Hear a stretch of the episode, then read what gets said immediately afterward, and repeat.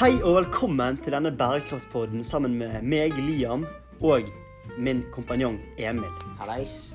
I denne episoden skal vi snakke om bærekraftig utvikling innen idrett. Men først litt fakta for å definere begrepet bærekraftig utvikling.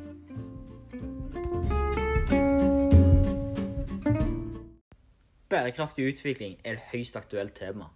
Det er en utvikling som tilfredsstiller dagens behov uten å ødelegge framtidige generasjoners mulighet til å tilfredsstille sine egne. Ofte blir det vist til at de må sikre både miljømessig, sosial og økonomisk bærekraft. Dette omtales gjerne som de tre dimensjonene til bærekraftig utvikling. Med det i tankene så kan vi prøve å svare på problemstillingen. Burde idretten bli stilt mer ansvarlig for prioriteringene av bærekraftig utvikling? Og hva tiltak burde bli innført for å sikre en bærekraftig framtid?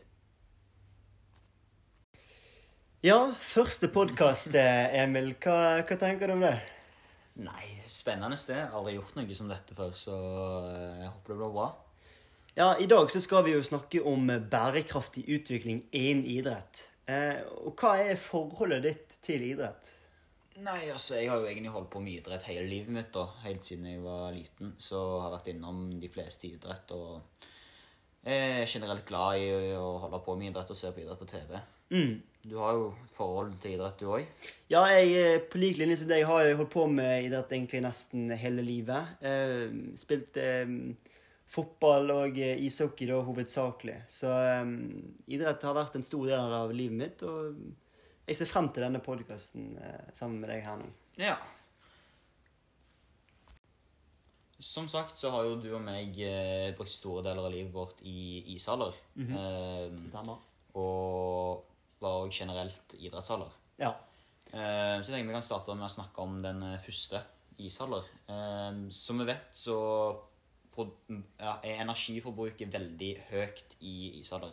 Har Ja. du noe mer å si om det? Altså, eh, fra gammelt av så har man jo ikke hatt et så stort hva skal man si, behov for å produsere bærekraftige eller miljøvennlige idrettsanlegg. Og dette gjenspeiler jo seg også i ishaller. Eh, den eh, gamle ishaller som for eksempel gamle Jo- Jordal Amfi, eh, Bergenshallen, eh, er haller som eh, gjerne ikke akkurat er miljøvennlige. Når vi ser eh, den nye Jordal Amfi som er kommet, eh, så har, ser man jo store, store framskritt i form av det å tenke bærekraftig og miljøvennlig. Hva, hva tenker du om, om det de har fått til borte i Oslo? Altså, Jeg syns de går jo fram som et veldig godt eksempel. Uh, overalt i Norge nå så har vi begynt å se nye, mer miljøvennlige ishaller som begynner å poppe rundt. Vi har annet Oilers fikk jo DNB Arena Uh, borte på Østlandet nå. Så fikk de nye Jordal Amfi, Asker skal få ny ishall, og Fredrikstad. Uh, så det ser ut som vi går inn i en sånn ny æra når det kommer til miljøvennlige idrettsanlegg. Eh, men det er flere steder vi har mye å gå på ennå. Eh, og har du noe mer tanker rundt det? Altså, det, blir, det er jo fascinerende å se eh, på den statistikken som eh, håper jeg, Oslo kommune legger ut i form av byggingen av nye Jordan Amfi. Eh, de sier jo bl.a. at gamle Jordan Amfi eh, skal ha brukt tre ganger så mye strøm som den nye nå bruker. Og i tillegg så skal den nye eh, Jordan, Amfi eh, produsere 97 eh, til 98 av varmen sjøl. Eh, og dette er jo tall som vi eh, knapt nok har sett noen steder eh, før. Og eh, det kan bli veldig spennende hvis dette her er standarden eh, for ishaller eller idrettsanlegg som bygges eh, fremover i tid. Ja, nei, jeg er helt enig. Eh, men som sagt så, sa du da knapt eh, noen tall som ligner på dette. Men det var jo veldig vanskelig å finne noen statistikk på dette i det hele tatt. Eh, fordi så vidt som jeg vet og har lest andre steder, så står, er det ingen statistikk over eh, energiforbruk til norske ishaller noen steder. Det har ikke blitt gjort offisielt i fall, og offentlig for oss eh, nei, innbyggere i Norge til å finne. Men var det ikke et eller annet med bygningsplanleggingen til Jordal Amfi? Hvordan var det det foregikk i forhold til nye planer? Jo, det som er spesielt, er jo at de lagde prosessanlegget først.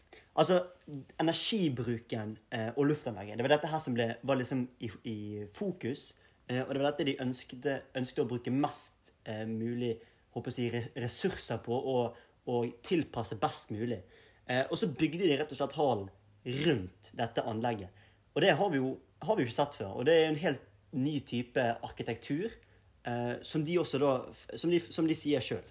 Eh, og i tillegg til dette her så har de jo solceller på taket. Og det bidrar jo til at halen blir mer selvstendig og, eh, og kan klare seg sjøl og bli mer eh, miljøvennlig og bærekraftig. Nå har det jo blitt mye snakk om eh, ishaller spesifikt og, og energiforbruket til ishaller. Eh, men vi kjenner jo til andre idretter eller idrettsanlegg som også har store energiforbruk. Ja, det gjør vi. Eh, svømmehaller er de idrettsanleggene som har det høyeste energiforbruket, iallfall i Norge.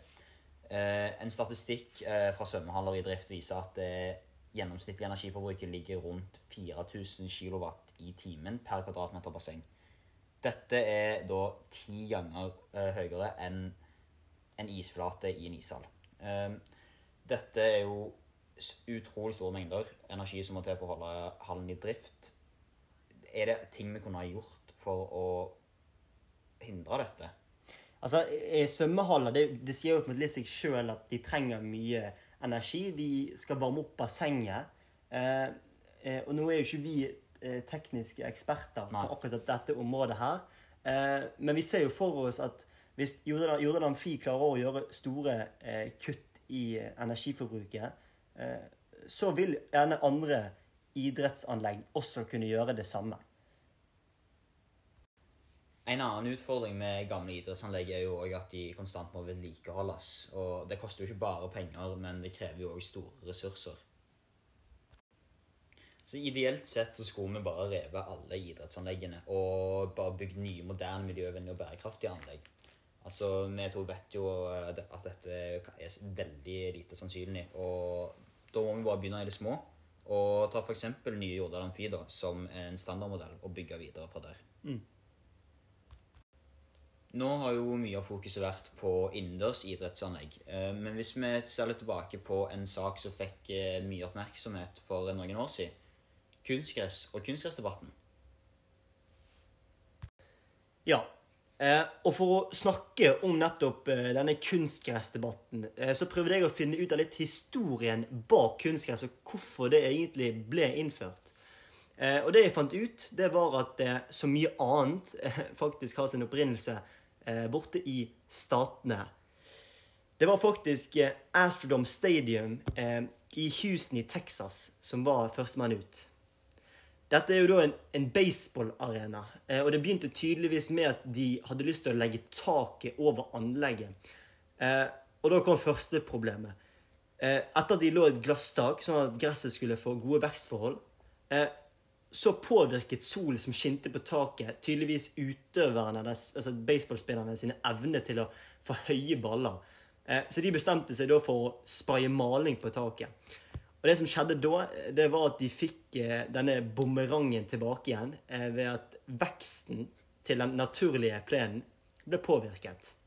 Og hele dette sirkuset endte med at arenaen ble den første av sin art til å innføre nettopp kunstgress. Og dette, dette her var helt tilbake til 1960-tallet. Så det har vært en stund. Eh, men det er ikke før nå at vi har begynt å, å se konsekvensene dette medfører, på alvor. Ja, og så var det jo sånn at I 2019 så publiserte jo TV 2 en artikkel der de tok opp det som hadde skjedd med de 20 norske kunnskapsbanene som eh, ble fjerna. Og her var det jo da selskapet Advanced Words Installations Europe, eller som jeg kanskje bedre kjenner til som ASIE, som da sto for fjerningen av disse kunstgressbanene. Eh, Men i etterkant så har det vist seg da at eh, de banene ble sendt til et lager med kunstgress i Dongen, altså nederlandsk eh, landsby. Men hvorfor er egentlig dette et problem, da? Um det er jo et problem fordi at granulaten altså i, i kunstgresset påvirker, eller kan man si ødelegger egentlig området han ligger i. Altså i til, dette tilfellet her da Dongen. Eh, og dette påvirker jo også da de som bor i landsbyen.